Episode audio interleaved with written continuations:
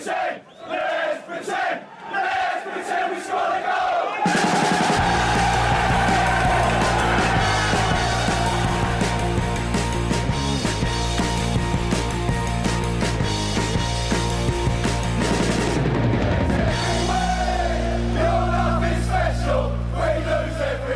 Välkomna till Premier League-podden. Jag som pratar först är Mattias Lönngren. Snett emot mig idag sitter Kalle Karlsson. Eh, idag kommer det bli en hel del om Manchester. Eh, det är derby på gång och det är faktiskt, eh, ja den matchen håller på om 24 timmar ska sägas sen när vi spelar in där.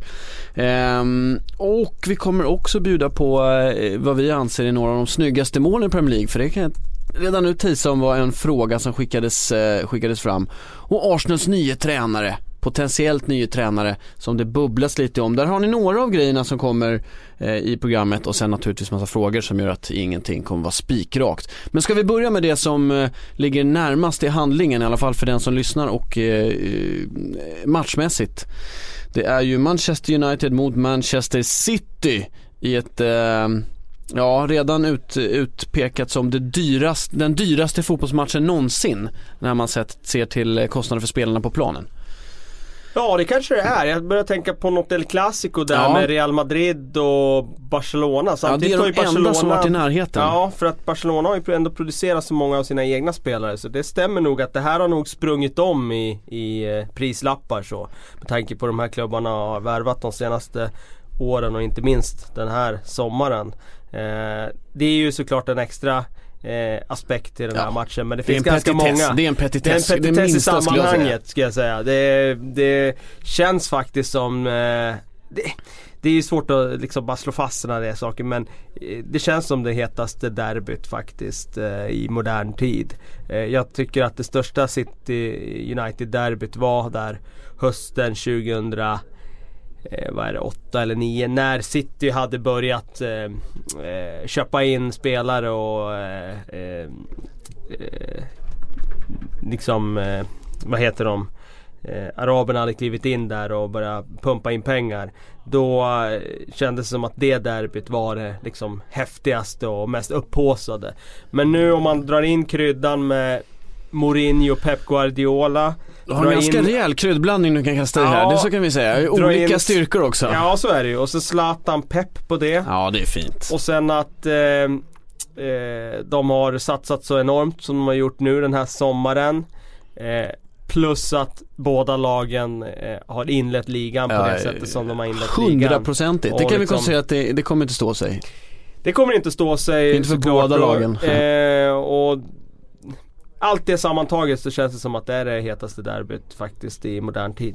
Det enda som eh, jag själv blir rädd för eh, när, när det blir sån här, när man pratar upp och man, jag är själv väldigt laddad för en sån här stor match, det är att det ska bli eh, låst och tråkigt. En det tror jag dock ja. inte den här gången, det ska jag ärligt säga.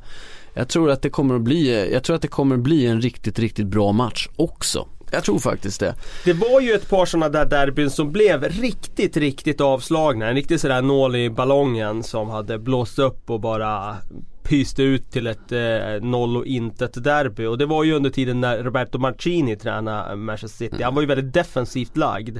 Och eh, det i kombination med att Alex Ferguson också kunde ha sådana toppmatcher när han kände som att han spelade för att inte förlora. Mm. Och när det var två lag som gjorde det, då blev det väldigt eh, eh, ingen, icke-underhållande matcher. om ingen vill dansa som man säger. Precis, och det kommer det inte bli nu för att Pep Guardiola kommer ju spela den här matchen som eh, hans filosofi alltid Som att han har hemmaplan. på. Ja precis, Nu och de ingen kommer att vilja äga bollen och de kommer vilja attackera och så vidare. Sen får vi se om eh, Mourinho är eh, tillräckligt eh, slipad för att eh, ehm, han är definitivt tillräckligt slipad för att kunna gå hem med segern.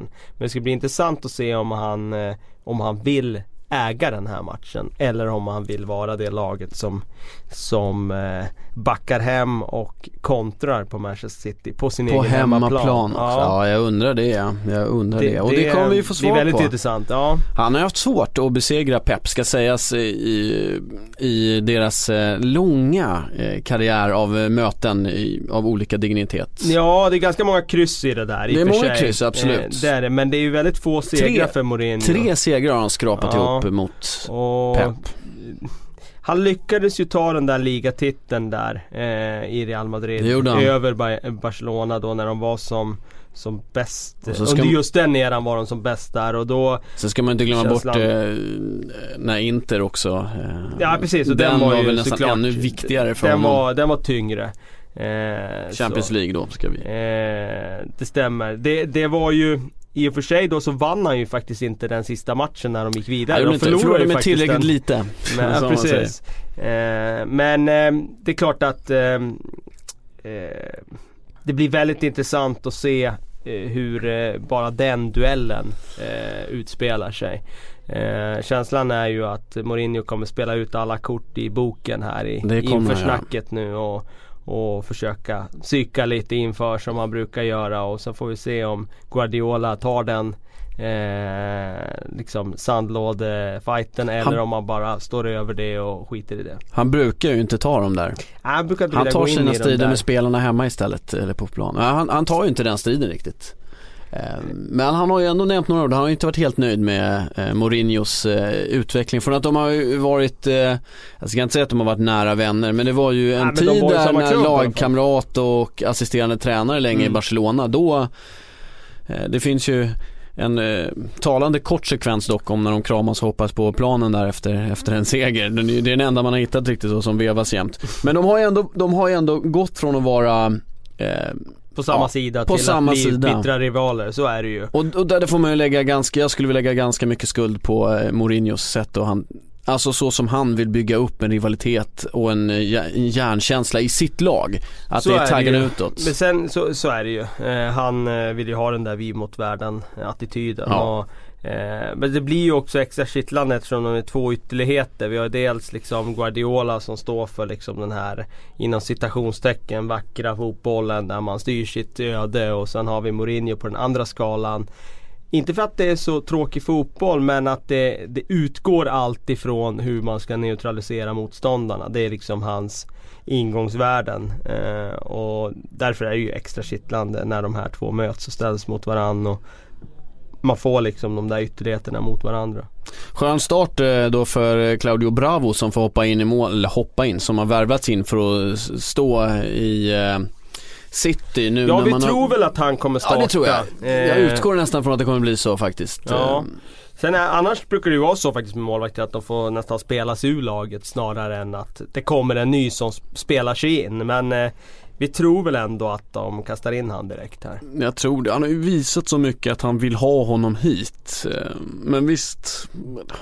Det han som han är- skulle väl acceptera och vänta någon match med att komma in, så är det väl såklart. Det som är frågetecknet för Manchester City det är ju att Agüero saknas. Och Så är det, det är det största frågetecknet och det ska vi kasta oss ner i. Ja och jag menar Det är klart, Iheanacho har bra målsnitt Väldigt bra målsnitt. eh, per spelad minut och per match.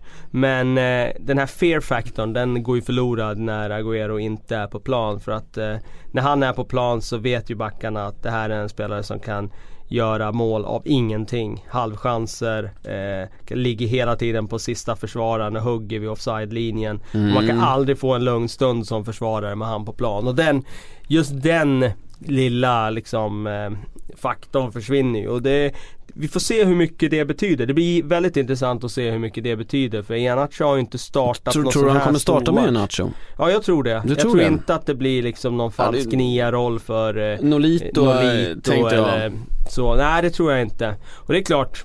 Eh, Alltså, Alltså, han har ju tre spelare som kan spela som en falsk nia. Nolito, Sterling skulle kunna göra och De Bruyne. Alla de tre skulle kunna kliva in där. Ja man skulle ju, i ett spanskt landslag hade man ju kunnat tänka sig Silva också som en falsk nia. Men jag Ja. tror inte det. Jag tror inte det. Utan jag tror att han startar med Nacho.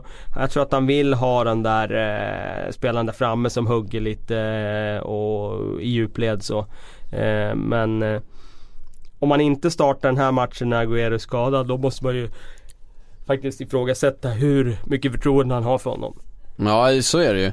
Och sen Eh, Ja, jag är inte lika säker på att det blir en nacho, en nacho som du är. Jag undrar om de kommer, alltså jag, jag tyckte ju Nolito när han ploggas in här så var jag lite orolig, men han har ju varit så himla bra.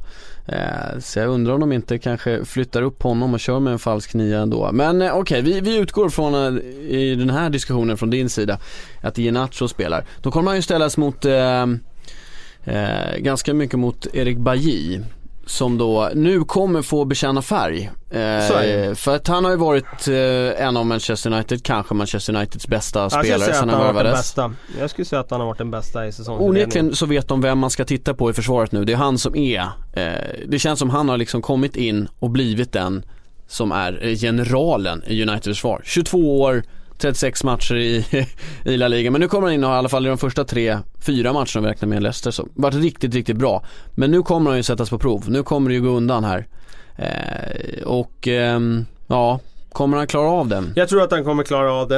Eh, han har eh, imponerat på mig i, i, egentligen i alla aspekter. Och det som fortfarande finns ett frågetecken kring det är ju hans positionsspel när det blir Precis. tuffare motstånd. Nu slipper han ju Agüero och jag tror att det betyder mycket för honom. För det är en sån där vessla som är svår att hålla koll på bakom ryggen när han kommer i, i de där små korta löpningarna in bakom. Och, eh, jag tror att han kommer klara av att hålla koll på Ianacho eller om det blir någon Lito då eller någon annan där framme. Mm. Agüero hade varit en svårare biff att lösa. Men, alltså eh, fysiken där är man ju inte orolig över Bay. Alltså rent fysiskt så är han Nej, han är ju ett monster. Alltså han är ett fullständigt monster rent fysiskt. Alltså man ser ju på sättet han går in i dueller.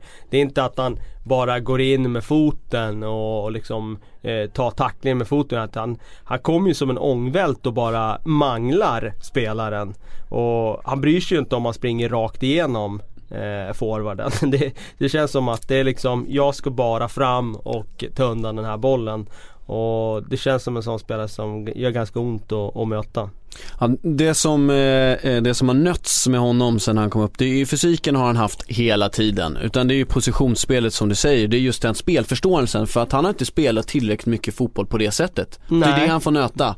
Och det, är ju, det, det, finns ju alltid en sån där eh, med afrikanska spelare att de är fysiskt starka och liksom sämre organisation och sämre taktiskt skolade. Och det är ju inte så himla konstigt om man tittar på hur fotboll är uppbyggd där. Det är ju liksom, de får ju inte eh, den här eh, ungdomsträningen av utbildade tränare utan de spelar liksom på risiga planer och det är mycket ja. eh, lägga ut en boll och spela. Och de här guldkornen som har den här superfysiken de tar sig till Europa men taktiskt sett så har de en del att förbättra när de kommer hit. Men, Men uppenbarligen så har ju han klarat av att anamma den eh, taktiska delen på väldigt kort tid. Och det är ju riktigt Det är ett bra eh, tecken. Ja det, är ett bra tecken och uppenbarligen en spelare som, som eh, lyhörd, eh, vill utvecklas, eh, lyssnar. Han hade ju en assisterande tränare där, eller han hade en tränare i Espanyol som heter Sergio González som eh, la väldigt mycket tid på honom eh, just med att utbilda ja, honom i positionsspelet och så vidare. De satt och kollade på fruktansvärt mycket filmer, eh, filmer naturligtvis menar jag då på matcher ihop. Och uh, jag har läst lite artiklar här nu och ja. efteråt så har han sagt uh, att, uh, att han satt och tog till sig och sen bad om fler filmer ja, dessutom precis. trots att han gav honom hur mycket som helst. Så att han vill ju lära sig också och som du säger, han kopplar. Så att där har vi ju, där har vi en men det är väl det lilla frågetecknet som mm. finns kvar kring Bailly. Det som är, tycker jag, speciellt med just det är att han har fysiken plus att han, det han har visat hittills, att han har tillräckligt bra fötter för att vara en eh, back som sköter upp spel och så vidare. Det, han kommer aldrig bli en Daily Blind som står och smackar in stenhårda passningar mellan lagdelarna. Men det är väldigt få som blir det. det. Det, är egentligen bara mittfältare som, eller centrala mittfältare som skolas om som kan bli så skickliga. Men eh, Eh, han har ju tillräckligt bra teknik för att ta fram bollen i plan och slå den där passningen framåt i plan som, som jag inte tycker att Chris Smalling har alla gånger. Nej, men Chris Smalling som ändå var ett utropstecken förra året men nu kommer han få svårt att kliva in igen. Så är det, det är, just nu är han utanför laget. Eh, om vi ska eh, lämna City lite och kolla, vi är ju inne på United. Rashford. Mm. Nu, eh, han är ju formtoppad, det går ju inte att komma ifrån.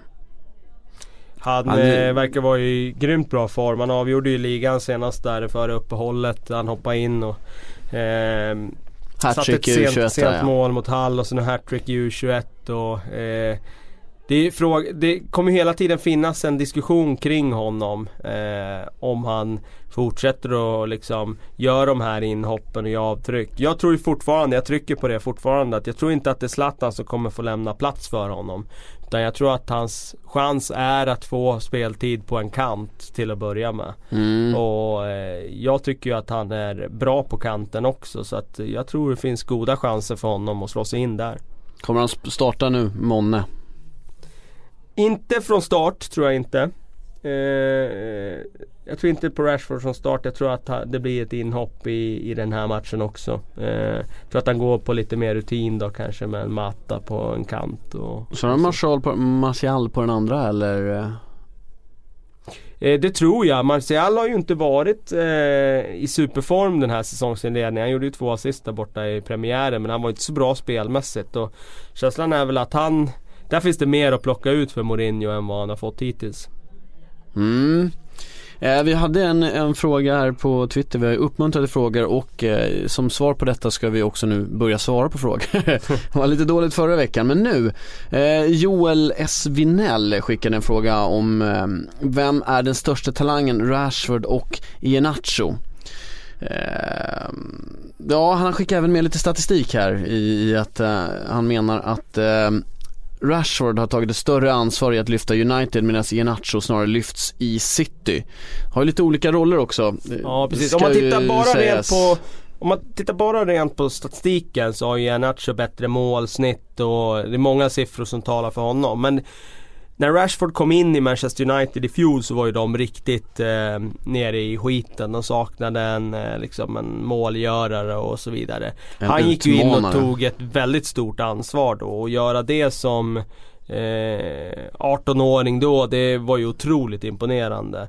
Eh, Iheanacho hoppar ju in ofta i matcher där City leder, de får ligga och kontra. Och han gör, tycker jag, andra typer av mål än vad Rashford har gjort. Han har inte gjort kanske eh, mål av samma dignitet och tyngd. Det är min känsla i alla fall. Och, eh, Rashford har haft ett svårare, eh, en svårare roll i ett eh, icke-fungerande Manchester United. United också. Ja, än vad Iheanacho haft i ett City som har varit väldigt offensivt skickligt de senaste åren med eh, riktigt, riktigt bra framspelare och omgivning. Så att eh, jag tycker att Rashford har imponerat mer. Det innebär inte att Iheanacho inte är en super, super talang och Nej. kommer bli riktigt, riktigt bra. Men just här och nu tycker jag nog att Rashford har imponerat lite mer. Ja de har ju olika roller, ja beroende på var de ligger också. Men mm, ja vi får väl se vem som kommer bli störst. Just nu, sen- jag håller med, just nu känns ju Rashford som den Hetare. Eh, Sen blir det ju dock också... också är han ju lite formtoppad så man har ju det på näthinnan att han ju. just nu lyckas med nästan alla dribblingar. Han gör ju mål hela tiden. Så Och det sen blir ju en också annan en, eh, aspekt att han är engelsman och Eng- England kommer ju göra allt för att bygga Ja, upp så- liksom sina nya stjärnor och det är klart att det kommer påverka rapporteringen från England. Gör han mål så är det jättestort och gör Iheanacho mål så är det inte riktigt lika stort. Men ehm, Men jag, jag i i Nacho han har ju en målnäsa, det går ju som sagt var, han, Ja, han gör ju bra. mål hela tiden. bra, bra fysik och olika, och- olika ja. typer av mål också Ja. så att han verkar väldigt bred eh, absolut. i sin repertoar. Så att eh, det är nog, en, jag skulle säga att skillnaden är nog marginell i, i, i talangstyrkan. Men eh, det är en bra fråga. Eh, Och ett svar som kommer dröja flera år innan vi verkligen kan utvärdera faktiskt. Så är det. Nej, kanske inte vem som är största talangen, men vem som kommer få ut mest av den också, det är ju en helt annan sak. Sen ska man förvalta sin talang och det är fan inte så lätt. Det var en helt onödig svordom, men där kom den ändå. Eh, men vi var inne på, det är ju just det, vi har inte ens namnt Zlatan Ibrahimovic än. Eh, Den mer- där svensken menar du? Ja precis, vi har ju också hans eh, ovilja, eller eh, han tycker inte om Pep Guardiola sen tiden i Barcelona, så är det. Han har sagt att han i alla fall respekterar honom som tränare men det är som person han inte klarar av honom för att han inte eh, inte kan ta diskussioner. Precis. Och det här då Eh, sen den stora fejden eh, som troligtvis hängde på att Messi eh, behövde mer utrymme i Barcelona än vad Zlatan kunde ge. Och så var han tvingad att välja vem av stjärnorna han skulle satsa på. Pep, det är i alla fall vad som sägs. Jo men det är ju sådär också att, jag menar Man kan ju titta på vad som har skett efteråt. Messi har varit eh, liksom eh, gudomligt bra i Barcelona efteråt. De har vunnit titel på titel Ja. på titel. Man kan ju inte säga att Pep gjorde fel. Nej nej, Utan men det är ju, i Zlatans ögon så gjorde han fel för att han inte spelade Zlatan. Men eh, jag tror inte någon i Barcelona hade velat se Messi liksom eh, försvinna ut Till i- PSG. Ja men om det nu Ja, hade det- skett, ja, det ja, vet det man ju inte. Men liksom eh, I Pep Guardiolas eh, liksom, fall så handlar det ju om att eh, liksom få Messi att trivas och få Messi att prestera och det fick han. Så att det är Men- svårt att säga att han gjorde fel men Det är klart att det alltid kommer komma spelare i kläm, så är det ju. Det som känns konstigt är att han inte, att inte de två de borde ha kunnat fungera ihop tycker jag. Messi känns som en som kan fungera ihop med ganska många spelare. Men bevisligen så har han en Kanske en större dold styrka som man men inte känner de till hade liksom. kunnat, Det är klart att de hade kunnat fungera Alltså ihop. det blev ju en massa helt- mål och assist. Det var ju inte så att Zlatan var dålig i Barcelona. Nej, det var ju eh, leverans. Så var det ju. Eh, men det var ju Det hade ju inte fungerat på det sättet att om Messi nu ville spela där framme då fanns det ju ingen plats kvar för Zlatan. För han hade ju aldrig klivit ut på kanten. Och det är ju det där som är grejen om du tar Andra spelare som David Villa eller något sådär så var ju de mer anpassningsbara. De kunde spela där framme, de kunde gå Ja. ut på kanten om det behövdes. Som Neymar. Eh, och det kanske behövs, ja som Neymar och det kanske behövs om man ska spela med Messi att man är anpassningsbar. För ena sekunden vill han spela på kanten och nästa gång vill han spela där framme. Och tränaren kommer nog alltid att göra det som gynnar den stora stjärnan mest. Ja, så är det. I det fallet. För att han har den statusen han har i Barcelona och så vidare. Och han har ju skaffat sig den statusen av en anledning också. Vi ska det inte, kan man inte förneka. Vi ska inte säga att han har blivit groomad till att ha den här statusen. Eh, men om vi återgår till Zlatan, han, han har ju i sin bok berättat att det är ju, en av hans drivkrafter är ju revansch och eh, en liten ilska som driver honom. Det här pratas ju om varje gång de stöter på Pep och alla andra karaktärer han har ogillat. Men hur, hur viktig är den nu? Nu möter han Pep, får en chans att sätta dit honom. Nu har ju Raiola varit ute och svingat också mot Guardiola de senaste dagarna. Han brukar ju annars hålla sig ganska lugn. Men nu har han sagt att Zlatan eh, vill sätta dit honom och det här är ett perfekt läge. Ehm, Ja det är det ju. Ett perfekt läge är det ju. Ja, ett perfekt läge. Det är ingen tvekan om det. Kanske ännu bättre i returmötet, då kan det ju stå ännu mer på spel kanske. Men eh, ja, vi håller oss här. Eh, men sådär blir det ju alltid liksom. Alltså, det, det kommer ju Det kommer ju alltid målas upp den här beefen mellan dem liksom. Sen får vi väl se om han kan tysta Guardiola i det här fallet. Vi får se. Vad tror du, eh, Zlatan, eh, kommer han stå sig bra mot John Stones Och jag förmodar att det blir Otta Mendy som spelar trots att han kom tillbaks från landslagsuppehåll i, igår kväll. Jag skulle tro att det blir det med tanke på tyngden av matchen så spelar han nog honom nu och sen får han vila sen i så fall. Mm. Eh, det är ju klart att eh, alla får, eller alla försvarar ju liksom svårt att hantera en spelare som Zlatan. Och jag tror att just John Stones med kanske inte den där fysiska försvararen kommer ha problem med Ibrahimovic när han liksom vänder och vrider på den där stora kroppen. Så att eh, jag tror inte att eh, eh, det alls är något dumt mittbackspar för Zlatan att utnyttja sin fysik emot. Vad tror du för matchbild? Vi har pratat lite om det. Tror du att det kommer bli, kommer City få hålla bollen eller du funderade lite på det, eller kommer det bli United som, som tar kommer- tag i det här? Jag tror att City kommer att eh, äga bollen och de kommer försöka vinna tillbaka den snabbt genom hög press. Eh, Men då har ju United en ny typ av, ett nytt typ av vapen just med Zlatan som är en väldigt bra bollmottagare och de kan sätta upp den på honom och få fast den. Så att eh, eh, det är lite farligt också för City att använda den strategin med tanke på att eh, Manchester United nu har spelare som dels eh, Zlatan som kan ta emot boll men även spelare som Pogba som faktiskt kan hålla i den också. Det är ju nog Och så driva viktigt. Driva upp. Driva förbi. Så att ehm, Men jag, jag jag kan inte se något annat än att Pep Guardiolas lag alltid i den här ligan kommer att eh, vilja föra matcherna och ha bollinnehavet. Eh, så, så tror jag att det kommer bli. Det har ju varit många frågor här om eh, just eh, eh City och United. Det här kommer en fråga som är lite åt det hållet från eh, ja, Apberget.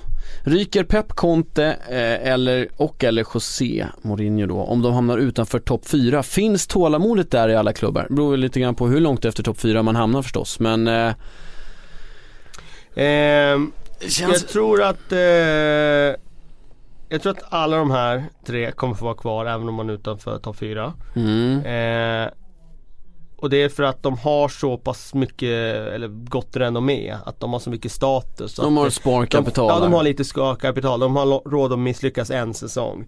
Sen tror jag också det har att göra med eh, att eh, det har med pengar att göra. De tjänar väldigt mycket. Så det kostar ganska mycket också att bara kapa av en sån här tränare och det tror jag inte man gör i första stund. Sen har det med andra saker att göra. Jag tror inte att det, resultatet i sig kan få dem sparkade av en fjärde plats. Däremot kan det ju hända andra saker. Som Mourinho i fjol i Chelsea. Det var inte bara resultatet det var ju också känslan i gruppen av att det här är en grupp som inte längre vill ha honom som tränare. Att de hade nått vägs ände. Och skulle det ske då kan ju någon få gå. Men eh, det tror jag inte kommer ske vare sig med Pep, Conte eller Mourinho den här säsongen. Har han lärt sig en del Mourinho? Det sen, eh, sen incidenten med... Eh, Eva Caneiro. Precis. Ja men det tror jag. Det tror jag. Även Där han känner de tror själva jag- att han gick för långt. Eh, jag, inga. jag tror att han kände att han gick för långt, ja. Inte just när det hade skett men i efterhand då med tanke på vilken stor grej det blev och så vidare. Så ja, jag tror att han kände att han gick för långt där. Ja, precis. Ja, men får man, om, om, om spelet inte visar några bra tendenser och spelarna börjar Ja, om man börjar tappa gruppen som det heter, då kanske det händer någonting. Men annars... Eh, Men som sagt, det är inget jag ser framför mig utan jag ser Nej. att alla är kvar efter den här säsongen också och Alla- får bygga vidare. Det verkar vara väldigt bra stämning just nu överlag i alla klubbar. Eh, ja, de, de här storklubbarna som har plockat in eh, tränarna. Men eh, å andra sidan, det har gått bra för alla också. Kanske hänger ihop. Det är inte helt omöjligt att det har någonting eh, eh, med det att göra. Nu ska vi byta lite här. Eh, Karl Andersson skickar den här frågan, nu byter vi helt. Du tog aldrig den där kombinerade elvan? Kombinerade elvan, bra! Den tappade vi bort. Vi kör en kombinerade Ja, det var ju någon som elvan. frågade efter det. Jag vet, minns inte vem. Men det är ju alltid lite intressant med kombinerade elvor. Och, Alltså en Manchester kombinerad elva här, så vi håller oss kvar Då där. tänker jag mig ett 4-3-3 eh, som City spelar nu då. Eh, Mm. och, eller ett 4-1-4-1 då. Och då mönstrar jag min elva så här. David de Gea i målet. Ja. Eh, jag eh, har en eh, högerback som heter Antonio Valencia. Kanske många blir förvånade över men jag tycker han har börjat den här säsongen väldigt, väldigt bra. Ander Herrera gick ut och kallade han för världens bästa högerback här och eh, tillsammans med Dani Alves. Så det vet jag inte riktigt om han är men han har i alla fall en hög högsta nivå. Han är en väldigt bra offensiv och den där defensiven har blivit betydligt bättre nu den senaste tiden. Eh, det är lite samma sak med han och Bailly där. Det kommer ju hela tiden tuffare test för honom. Ja. Eh, men eh, av det jag sett hittills så tycker jag att han har varit väldigt, väldigt bra. Eh, I mittförsvaret så Erik Bailly som han har spelat och eh, John Stones. Då får man ett kraftpaket och en bollspelande mittback. Och eh, till vänster i backlinjen så eh, väljer jag Luke Shaw. En frisk Luke Shaw. En frisk Luke Shaw. Eh, Alla spelare är friska såklart när vi alla pratar. f- spelare är friska. Så att du kan få välja på Agero. Jag bara, inte Ja, ja. avstängda heller. Ja. Ja, ja, ja, ja. ja. Eh, på mittfältet så sätter jag Fernandinho i den defensiva rollen. Mhm. Eh, I de två offensiva rollerna så väljer jag Paul Pogba och Kevin De Bruyne. Eh, och till Nu har vänster, du, du har inte så många platser kvar. nej, till vänster David Silva. Mm. Till höger väljer jag eh, Raheem Sterling. Mm. Och till längst fram väljer jag eh, Zlatan Ibrahimovic. Före Sergio Agüero faktiskt. Ja. Vem är det som styr skutan? Pep Guardiola. Ja ah, då går det ju inte att ha Zlatan. Då Nej. väljer jag Sergio Agüero längst fram. nej, men du eftersom får är Peps, ja, men jag kom på det. Eftersom Ja. Pep är manager så väljer jag Agüero längst fram. Där Men det det var jag satt och tänkte bättre. för att annars måste du nästan byta där. Ja, men jag går på form här nu och, eh, eh, och så. Då, men jag tar, jag tar den. elvan. Jag tar Agüero till slut där framme. Det är ju hugget som stucket lite vad man, Ja. vad man spelar för spel och vad, Och vad du man, får in vad man vill, vill ha för egenskaper. Ja, Det är väldigt jämnt mellan de två. jag blev lite orolig över att du skulle, vad du skulle göra med David Silva. Eh, Ja just det, jag la ut den på kanten där. Ja, Mm. precis. Men får- De får ganska fria roller här misstänker jag. Eh, det är ju eh, Fast väldigt det fria får roller inte på om alla. Pep styr. Eh, nej inte fria på det sättet, man får ju ofta det på offensiv planhalva. Ja, så när det får kommer till sista ganska- tredjedelen. Mm. Men annars får du inte göra så mycket Nej, så det enligt ju. eh, fria tyglar. Nej, så är det ju. Oerhört styrd i var du ska befinna dig. Men det där är egentligen inget unikt. Nej, det är det inte. eh, Jag skulle säga att eh, nästan Det är för att öppna ytor, det är ju inget konstigt. Ja, och jag skulle säga att nästan alla tränare jobbar så. Eh, att man eh, har ganska styrt på egen planhalva vad man ska göra och sen har man mer frihet på offensiv planhalva. Så det här är inte något unikt överhuvudtaget. Jag, jag, jag sitter och tittar, tänker över din startelva. Jag, ser inte, jag, jag gillar ju Gündogan, jag tror att han Ah, kommer, eh, men nu, det blir så, vi har Petar inte sett honom. Fernandinho där? Ja det är precis där, det är den Ja. positionen jag skulle Fernandinho tycker jag är bra alltså. Ja han är bra, Vinner absolut. boll, fördelar boll, kan driva fram boll. Han har det mesta. Och han har höjt sig också sen han blev utsatt av lite konkurrens känns det som. Eh, Men jag tror, jag skulle nog ändå sätta in Gündogan där när han är när han är helt hundra, vilket Ja. det sägs att han ska vara nu, kanske inte till 90 minuter, vi får se vad som händer. Eh, Sterling, han känns ju given just nu alltså. Ja, här och nu så är han given till höger. alltså, ja. Han är riktigt, riktigt bra Förra just nu. säsongen hade jag inte Cool fact a crocodile can't stick out its tongue. Also, you can get health insurance for a month or just under a year in some states. United Healthcare short term insurance plans, underwritten by Golden Rule Insurance Company, offer flexible, budget friendly coverage for you. Learn more at uh1.com. plockat in honom Nej, då där. hade han inte varit i närheten av en 11 ens i city utan då var han ju eh, Då hade jag faktiskt satt han på bänken i city. Eh, Ja. Utifrån form och så. Men eh, just nu är han glödhet. Nu hänger jag inte riktigt, nu måste jag tänka efter. Blev det 50-50 här? Det kan ju inte bli exakt 50-50 såklart. Jo, om vi tar, om vi räknar in tränaren som den tolfte karaktären Ja, i det det. hela. Just det. Eh, Då blev det en city. men det, det måste nästan ha blivit det, lite övervikt åt City. Tre, fyra, fem. Ja det blev fem plus tränaren city. Så Ja. det blev det 50-50 då med tränaren. Det blev så, ja men just det, det hängde ju på ditt Zlatan eller eh, Mm, Agüero. Agüero. Det är där, där det står och väger. Där får man ju två helt olika, men där fick ni i alla fall en, en kombinerad, hur, hur den, det hade inte varit en dålig, Ja, det är det bra hade varit elva. ganska stark Men grejen är att de Men har ju det så pass så mycket bra... starkare ändå Nej. alltså. De, har- de har ju så pass starka lag nu så att det blir inte så stor skillnad utan det är ju, det är ju klassspelare på varje position nu i älvorna. Så Ja, att, verkligen. eh, det blir intressant eh, att se nu i den här matchen om, om den där elvan gäller även efter lördagens drabbning. Ja det är om 23 timmar eh, fr- från inspelningsstart här så att ni får börja med att lyssna igenom det här programmet ganska snabbt. Har ni kommit hit så har ni onekligen gjort det så att då är ni ju helt rätt på det.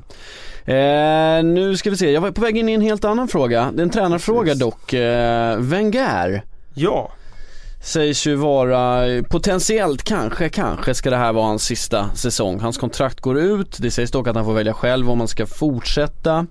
Eh, Karl Andersson hade frågan, eh, han ställde, ja det är en fråga här till slut också. Får Mois vibbar av ryktet kring eh, Eddie Howe till eh, Arsenal? Fixar han storklubb med superstjärnor? Eh, det var frågan. Det är då alltså eh, Bournemouths tränare som sägs vara i skottgluggen, i alla fall i kikarsiktet ja. för Arsenal inför, inför framtiden. 38 år, 38 år, Mm. tokung eh, Premier League-tränare och har haft en eh, kometkarriär på sista får man tiden. Eh, tre år från upp till Champion och sen till Premier League. Han tog ju dessutom Bournemouth upp från League 2 till League 1 också i, eh, om vi ska vara sådana. Tog en liten paus däremellan. Ja det ju, Men- pausen där, det var ju när han gick till Burnley, och Burnley. det är egentligen enda eh, liksom misslyckandet eh, Om det nu var ett misslyckande Om man tittar på de spelarna han värvade in där så var det flera riktigt bra värvningar för klubben så. Men ja, resultatmässigt så var det väl kanske inte någon eh, lyckad period och han lämnade där på, på eget bevåg för att han ville hem igen till tryggheten på, på, på sydkusten där. Och det är ingen Men, i eh, Bournemouth som har klagat i alla fall. Det är ju Eh, nej där är det verkligen ingen som har klagat. Där är han gud i princip och med all rätt efter de resultaten han har visat upp. Eh, det är en, eh, ska jag säga, väldigt speciell tränare. Eh, han har eh, visat på eh, år efter år att han har någonting alldeles extra. Eh, väldigt eh, som jag uppfattar väldigt, väldigt ambitiös och noggrann tränare. Lämnar absolut ingenting åt slumpen. Eh, han, hans filosofi är ju att varje träning ska vara unik. Alltså varje övning ska vara unik. Så han ska liksom skissa på nya övningar till varje enskild träningspass. Han och hans coachteam ska sägas, han gör det ju inte helt själv.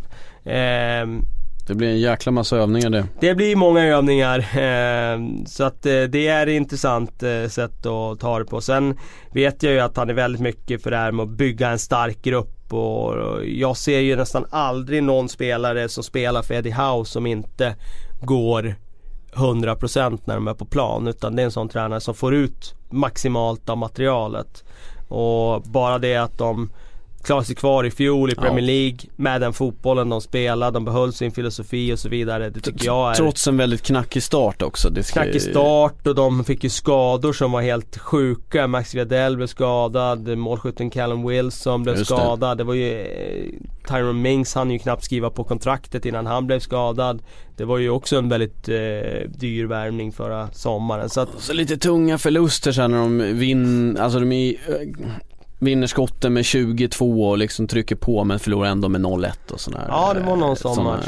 Newcastle bland annat. Men eh, som sagt de klarar ju ändå de kontrakten med viss marginal och eh, han stärkte ju sina aktier under den här liksom första debutsäsongen där i Premier League så att eh, jag tycker att han eh, nog så god som kandidat att ta över efter Wenger i brist på andra kandidater. Men eh, det känns som en klubbyggare, det känns ungt och spännande och det känns som en tränare som är extremt duktig man manager. Mm, liksom man manager. Mm. Och det tror jag att det kommer ta honom långt även om det såklart är ett jättestort uppdrag att kliva upp och, och ta över Arsenal. Eh, med den bakgrunden han har. Men eh, jag tror att, att Eddie Howe är något speciellt. Och en till talangutvecklare. Det är han ju och nu får vi se hur han lyckas med dem han har nu i, i klubben som Jordan Ibe, som Joshua King och Jack Wilshere för den delen. Precis. Eh, men eh, det är ingen tvekan om att, eh, att han eh, är beredd att kasta in unga spelare och så vidare. Det har han gjort tidigare och nu har de ju värvat den typen av spelare också i somras. Så, så att eh, det, det är en klubbyggare, det är en spelarutvecklare och det är en man manager av högt snitt. Här har vi en eh, fråga, nu tappar jag bort namnet, jag ber om ursäkt till dig men jag ska leta upp det här strax. Som frågar just hur det här eh, Jack Wilshere eh, till Bournemouth Utlåningen kan du se som en liten, liten test i att de vill ta med sig båda tillbaka. alltså beroende lite på hur han hanterar, hur han lyckas få igång Jack Wilshere kan detta eh, vara en del i utlåningen? Jag tror inte att det var någonting av tanken när de lånade ut honom. Jag tror det var Bournemouth som visade intresse för det när chansen dök upp. Eh, men det är klart att eh, hur Jack Wilshere trivs här under Eddie Howe och utvecklas det kommer säkert ha en viss eh, liksom påverkan på hur Arsenals beslutsfattare sen ser på Eddie Howe. Tänk om man kan få honom att vara frisk. Bara det skulle Han säger att han jobbar framgång. ganska hårt med det nu, att de har koll på hans träning hela tiden. Ja. Så, så, att han inte träna för mycket Han ska inte träna för mycket, nej, nej, precis Jag kollar lite på, han har ju inte spelat så mycket för uh, Bournemouth, han spelade en träningsmatch här mot Milan uh, Och uh, Bournemouth kommer att ha nytta av honom. Han, fick, han var väldigt aktiv i den 45 minuterna han spelade. Var inblandad nästan allting uh, offensivt. Så han kommer nog kunna växla upp. Hoppas för hans skull att han håller sig frisk faktiskt. Det måste jag, det måste jag säga. Men Bournemouth kommer de reda ut det här. Det har vi varit inne lite på men eh, de har ju bara en poäng. Tappade väldigt, ja. väldigt sent här nu senast. Eh, ja men det, jag tycker det är så pass tidigt än så att det går inte att liksom dra några växlar av det. Eh, tre omgångar in. Det är alldeles för tidigt så att eh, det tror jag absolut att de kan resa sig från. Nu får de ju in en spelare som kommer höja dem ett par klasser. Eh, Eh, dels bara i, i, med de fotbollsegenskaperna han har men dels också tror jag han kommer sprida självförtroende till hela gruppen. Bara att de har fått in en sån spelare med den meritlistan så eh, det, det kommer att betyda mycket tror jag. Eh, sen har vi en fråga, den här kommer bli intressant. Eh, snyggaste målen i Premier League på 2000-talet. Oj. Eh, de tre snyggaste målen Ja, det första Den jag kommer att tänka på, det är två, de första två ja, jag kommer att tänka på. Börja. Dels är det ju då Paolo Di Canios saxspark eh, på volley. Fan den har på min lista, den tar jag bort här. Ja. ja.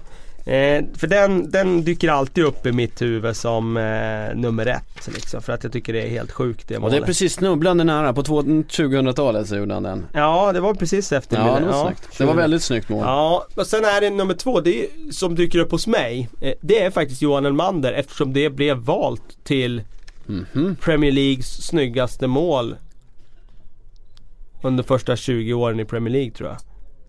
Ja, Och det är ju när han vänder Ah, och ja, vrider ja, bort det är- där i Bolton och, och mot Wolverhampton tror jag det är de möter. och det är så olikt. Elmander också när man tänker tillbaka och ser hans det blir ju spelstil jättekomiskt när det är Elmander som gör den där liksom slalomdribblingen i, i straffområdet på liten yta och försvararna bara försvinner åt olika håll och, och han rullar in den. Så det är de två målen jag kommer på. Sen vet jag att det finns mål som jag tycker är snyggare för jag är ju mycket för distansskott och Ja. sådär. Så att jag, jag, jag väntar på din lista som du har tagit fram så kan jag hissa och dissa. Ja, alltså jag har, jag har, jag tycker det här är svårt, det ska sägas på en gång. Dels kan, så får man ju inte upp alla målen, men jag, jag har jag ska börja, jag ska börja med en gammal, lite äldre, för att jag, när jag tänker Men det var snygga mål- 2000-talet eller? Ja jag vet, jag vet. Annars hade jag velat ta med Jeboada med hans Ja eh, just det, just det.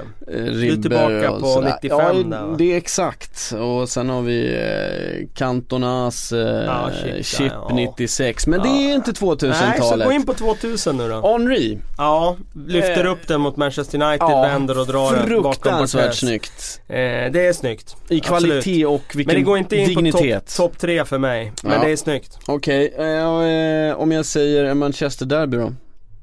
Wayne Rooney cykelsparken. Bicykletan. Ja, den skulle kunna vara med där uppe. Men samtidigt, det är en cykelspark. Det är mer för att det är Wayne Rooney, det är derby. Nej, för mig är inte Ja, topp tre heller. men den här, nu är du med. Ja, Van Persie, 06, Charl- Charlton. Charlton borta. Ja, den, Hoppar in den här, eh, drar den på volley med vänster precis vid benet på den är sjuk. motståndaren. Den är sjuk. Alltså men den- är fortfarande Den inte topp tekniska tre. kvaliteten. Ja, det är fortfarande inte topp tre för mig. Men Okej, ja. ska jag ta med ett annat? Ett Ja. ilskemål. ja. eh, Som gör att det blir snyggt. Rooney 05 mot, Mot Newcastle. Newcastle. Står och tjafsar ja. med domare.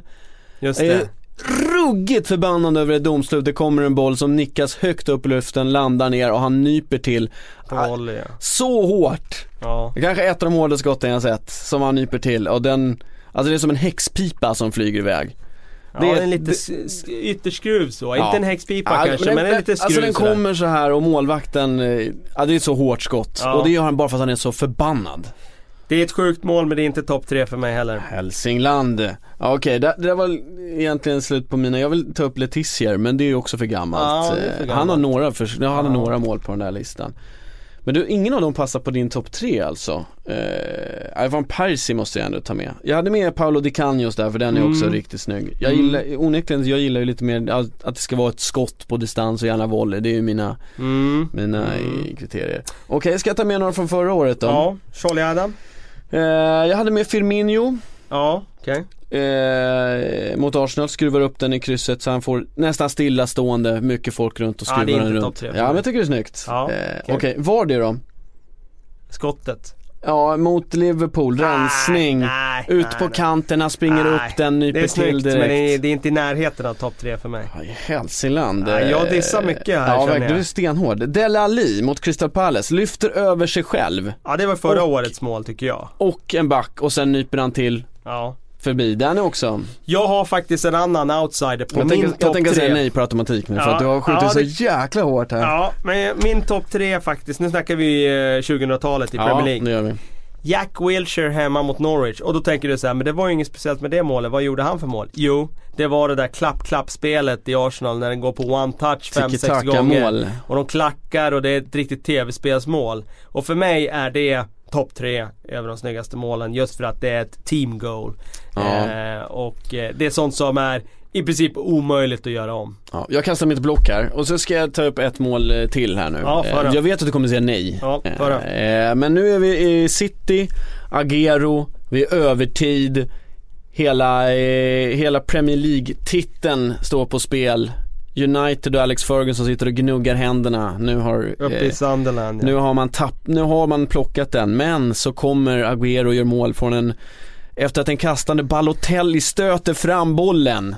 Och han sätter ett avgörande mål. Digniteten, visst det kanske inte är det sjukt snyggaste men det är ändå Ja, det är ett tungt mål. Det är, det. det är ett väldigt tungt mål. Men det är inte det är bra gjort snygg- också. Nej Ja, jag det- vet att det inte är det snyggaste. Men om, när vi ändå går in på det där med dignitet. Fotbollshistorien som jag ser tyngsta mål någonsin. Fotbollshistoriens, nu lämnar, lämnar vi Premier League. Ja nu precis, vara... nu, nu, nu har jag släppt det för jag har fått, jag, jag har gett min topp tre där. Jack Wilshere, Paolo Ja. Di Canio och Johan Elmander drar jag in på den. Ja, jag och då är jag är jag är väldigt Di nöjd där att det inte är några distansskott från min sida för annars fastnar jag ofta. Jag är väldigt fascinerad av hårda distansskott. Ja, Jag tar Men med nu är det inte så många hårda distansskott där utan Di Canios mål är lite mer teknik egentligen. Sjuk teknik. Men eh, det tyngsta målet i världshistorien tycker jag fortfarande är Rivaldos för Barcelona 2001. Det är alltså sista omgången i ligan. När han, när han tar den på eh, Bröstet. bröstet, och bisser. Ja, det är och så cyklar snyggt. in eh, ett mål för Barcelona som då innebär att det målet i 90 minuten tar klubben till Champions League.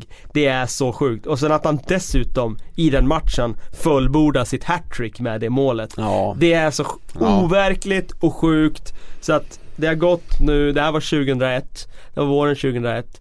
Det har gått nu 15 år sedan dess. Jag kan fortfarande inte förstå hur det inte har fått den crediten det förtjänar för det är så jäkla sjukt. Man kan inte göra så. Nej, det De första två målen han gör i den matchen är ju också helt sjuka. Ja, det Eh, det är två drömmål han gör i den matchen. Och sen är det 90 minuten, Frank de Boer lyfter en, en boll upp på bröstet. Han liksom trycker upp den med Ja. bröstet. Står vid straffområdeslinjen och cyklar in ett mål som tar dem till Champions League i sista minuten. Det, är, det för mig är det, det största, tyngsta målet i världshistorien. Faktiskt tyngre än Maradonas mot England. Där ser man att han har gjort en del eh, beach eh, volleyboll fotboll i, i Brasilien. Just den här trycken med bröstet, han lyfter upp den så man ska kunna hoppa upp i sanden och ni- nita över Ja, den. den är det är så jäkla alltså. snyggt. Är jag kommer ihåg där, det var faktiskt, eh, då skrek man ju, alltså skrek ju till för att det var så overkligt. Ja, eh, så.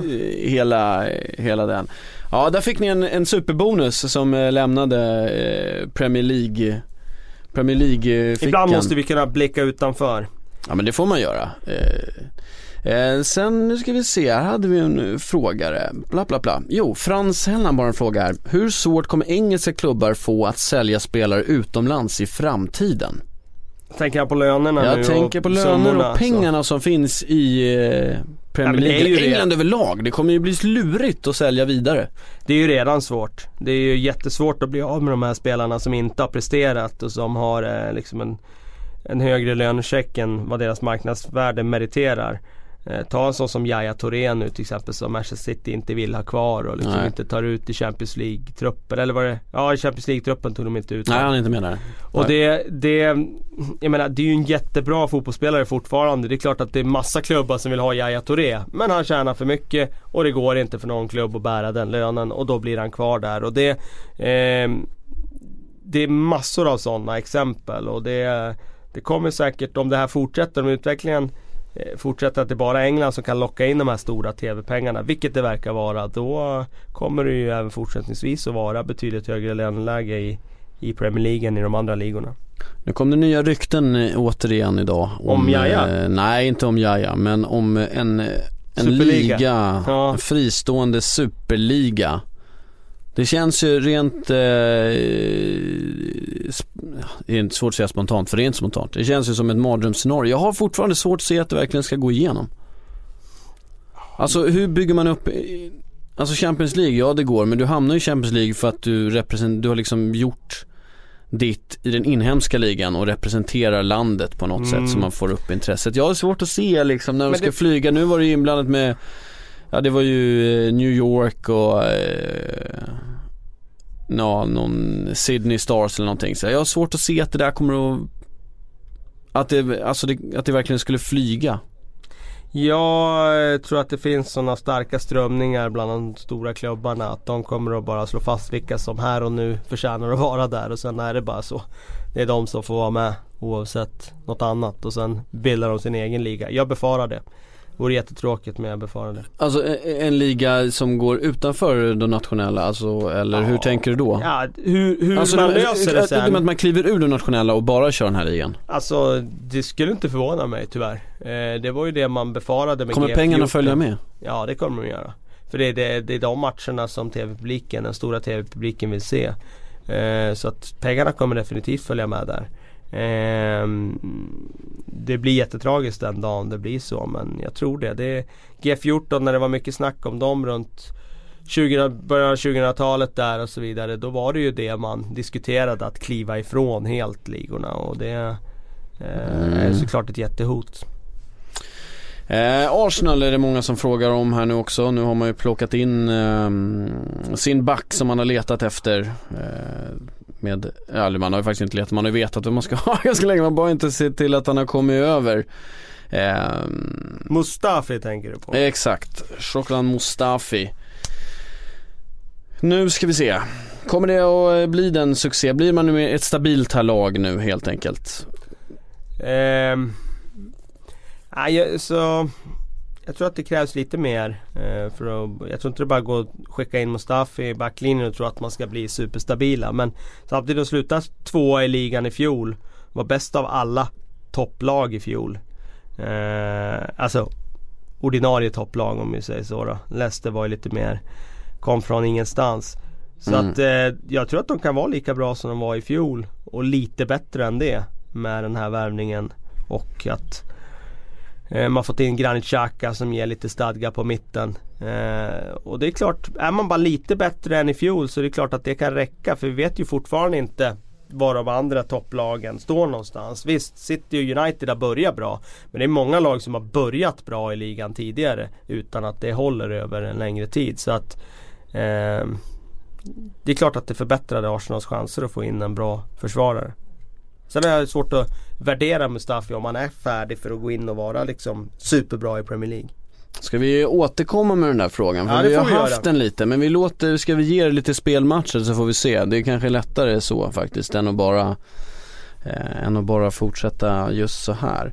Eh, Joel Johansson, hur Chelsea kommer, form, hur kommer Chelsea formulera backlinjen nu med Cahill, Terry, Luis Alonso, Aspilicueta, Ivanovic samt Zuma att tillgå? Det var många det namn är, där. Det är många namn där. Nu är Soma fortfarande skadad, Han är skadad där. men, ehm, Värvningen av Luis ger ju flexibilitet och de har möjlighet nu att spela en treback. Jag tror absolut att han kommer att testa det och göra det. Jag har dock svårt att sia i kring om han gör det nu direkt och i vilka matcher han gör det. Eh, men eh, han kommer definitivt att, att testa treback och då tror jag att Louise kommer bli den spelaren som, som, han använder, som han använder Benucci som i Juventus. Den här bollspelande mittbacken som ska ta fram bollen och sätta de avgörande passningarna så. Han har ju fortfarande väldigt stort spel i sig David Luiz. Och på ett sätt passar han ju en trebacklinje eftersom man får lite mer täckning i den backlinjen. Än vad han får när han spelar med två mittbackar. Så att eh, det kanske passar Louise att gå in i en trea med en Conte som är väldigt, väldigt noggrann och duktig på att organisera den. Många är oroliga över vad. Aspilicueta ska ta vägen. Ja, han kan ju faktiskt hamna lite i kläm för jag ser ju absolut inte han som någon wingback i en, eh, i en fembackslinje. Utan, eh, för han saknar ju den där offensiva spetsen. Så att han skulle eventuellt kunna hamna lite i kläm. Vi får se där. Samtidigt blir det ju det blir så på, pass många matcher. Det blir matcher där de ska spela med fyrbackslinjer. Ja men det, det är han trygg med, det kan han. Eh, matcher där de behöver ha en mer defensiv balans. Och rimligen behöver de en ganska defensiv balans bakom Hazard på den kanten. Så att eh, han kommer få sina matcher.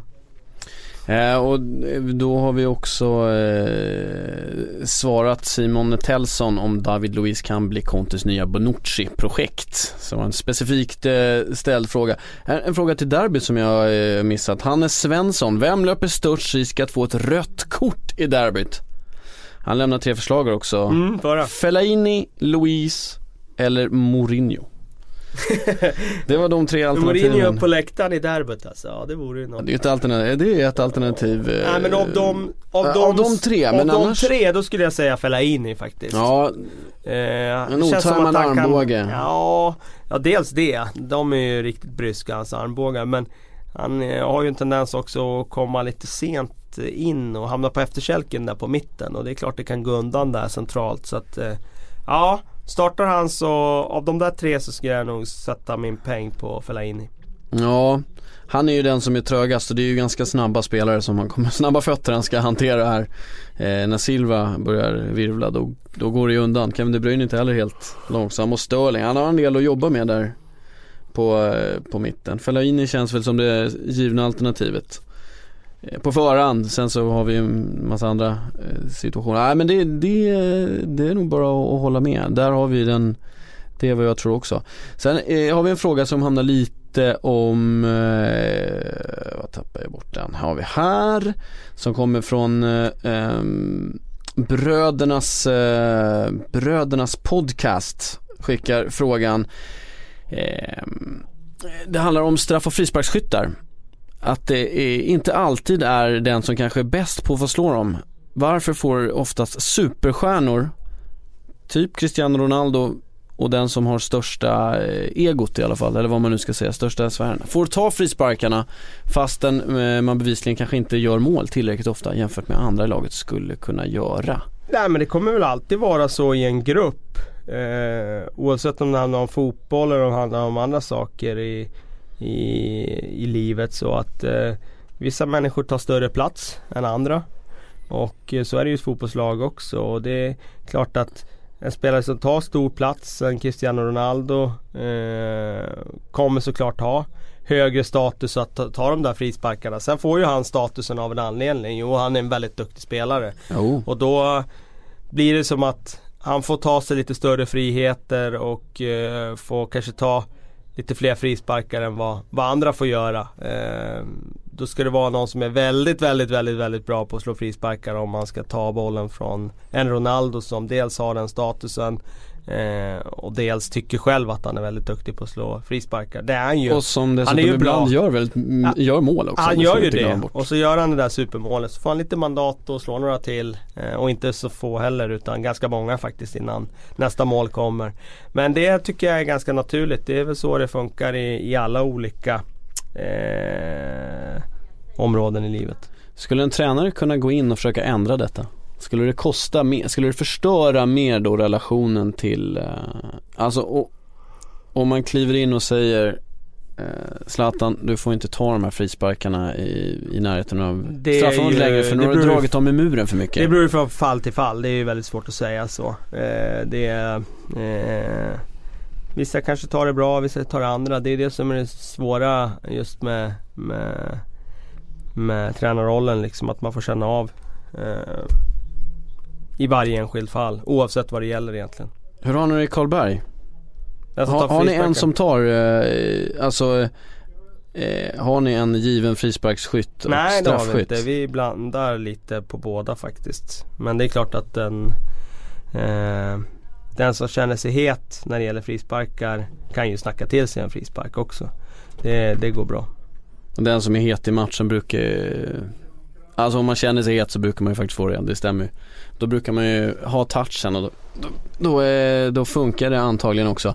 Här, här är inte direkt fråga men här är en Anton Olsson vill att vi ska prata mer Liverpool. In med Patrik Syk så att det blir mer Liverpool. Och när jag läser den så inser jag att vi har inte nämnt Liverpool en enda gång och det är väldigt många klubbar vi inte har nämnt eh, i den här. Vi kan ju inte nämna alla klubbar varje gång. Vi gjorde det förra gången och vi gjorde det gången innan. Vi kan ju inte göra det jämt. Vi får Nej, välja ut lite. Att, svårt att få med alla 20 varje um, gång. Vi har men, inte snackat så mycket Burnley idag heller. Nej det har vi inte gjort. Fast de har ändå styckt upp lite snabbt där. Ja men skitsamma. Eh, jag såg en annan fråga också om Liverpool. Hur långt tålamod eh, får man ha med Klopp innan man får börja kritisera och att han kanske hänger löst? Eh, ser ingen utveckling, ingen positiv utveckling jämfört med Brendan Rodgers?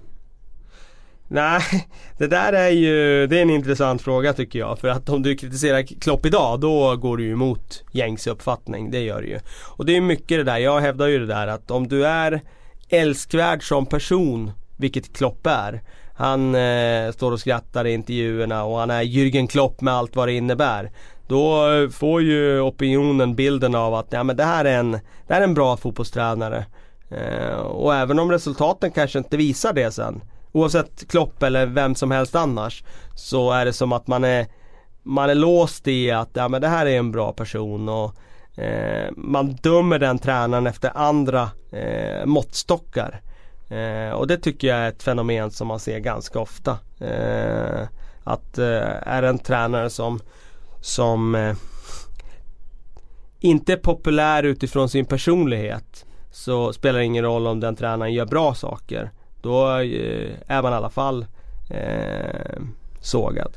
Jag upplevde att Erik Hamrén till exempel brottades med det där att opinionen här i Sverige gillade inte Hamrén efter ett tag och då spelar det ingen roll om man, även, om man gjorde något bra så då var det, alla, då var det bara tur. Det var en tillfällig... Ja men precis och samma sak eh, tvärtom med Klopp att eh, om laget förlorar då är det något annat. Det är inte Klopp liksom man tittar på i första hand. Medan andra tränare som är impopulära, ja men då är det tränaren du tittar på i första hand. Eh, så att eh, det styr ganska mycket det där tycker jag. Eh, och det är svårt att säga hur, hur långt hur långt hans eh, inom citationstecken smekmånad eh, eh, förlöper. Nej. Jag upplever fortfarande att eh, fansen har väldigt stor tilltro till honom. Eh, att man eh, känner att han har enat klubben och man har fått läktarna med sig. Och det där har ju betytt väldigt mycket också för, och det ska jag ha credit för såklart. Men det har ju betytt också mycket för att då har han lite mer mandat att misslyckas i resultaten. Eftersom han ändå har lyckats med den delen. Syns det på planen? Har hans gegenpressing börjat eh, sätta sig?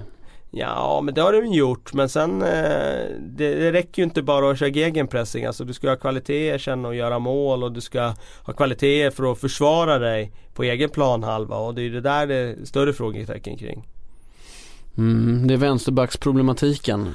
Känns... Det är en problematik men jag tycker de har Ja fler. det är en del av det, men det... Det- den är ju den som folk pekar på hela tiden och den vill han ju inte lösa. Han är onekligen, uppenbarligen ändå nöjd med alternativen Milner, eh, Moreno. Han verkar ju tycka att det räcker. Jag tror inte han tycker att det räcker men jag tror att han eh, Kanske alternativen var för dåliga. Ja, han prioriterar inte tillräckligt mycket i somras. Så mycket kan vi vara överens om. De budade ju på vänsterbackar men de la ju uppenbarligen inte tillräckligt mycket pengar för att få loss någon.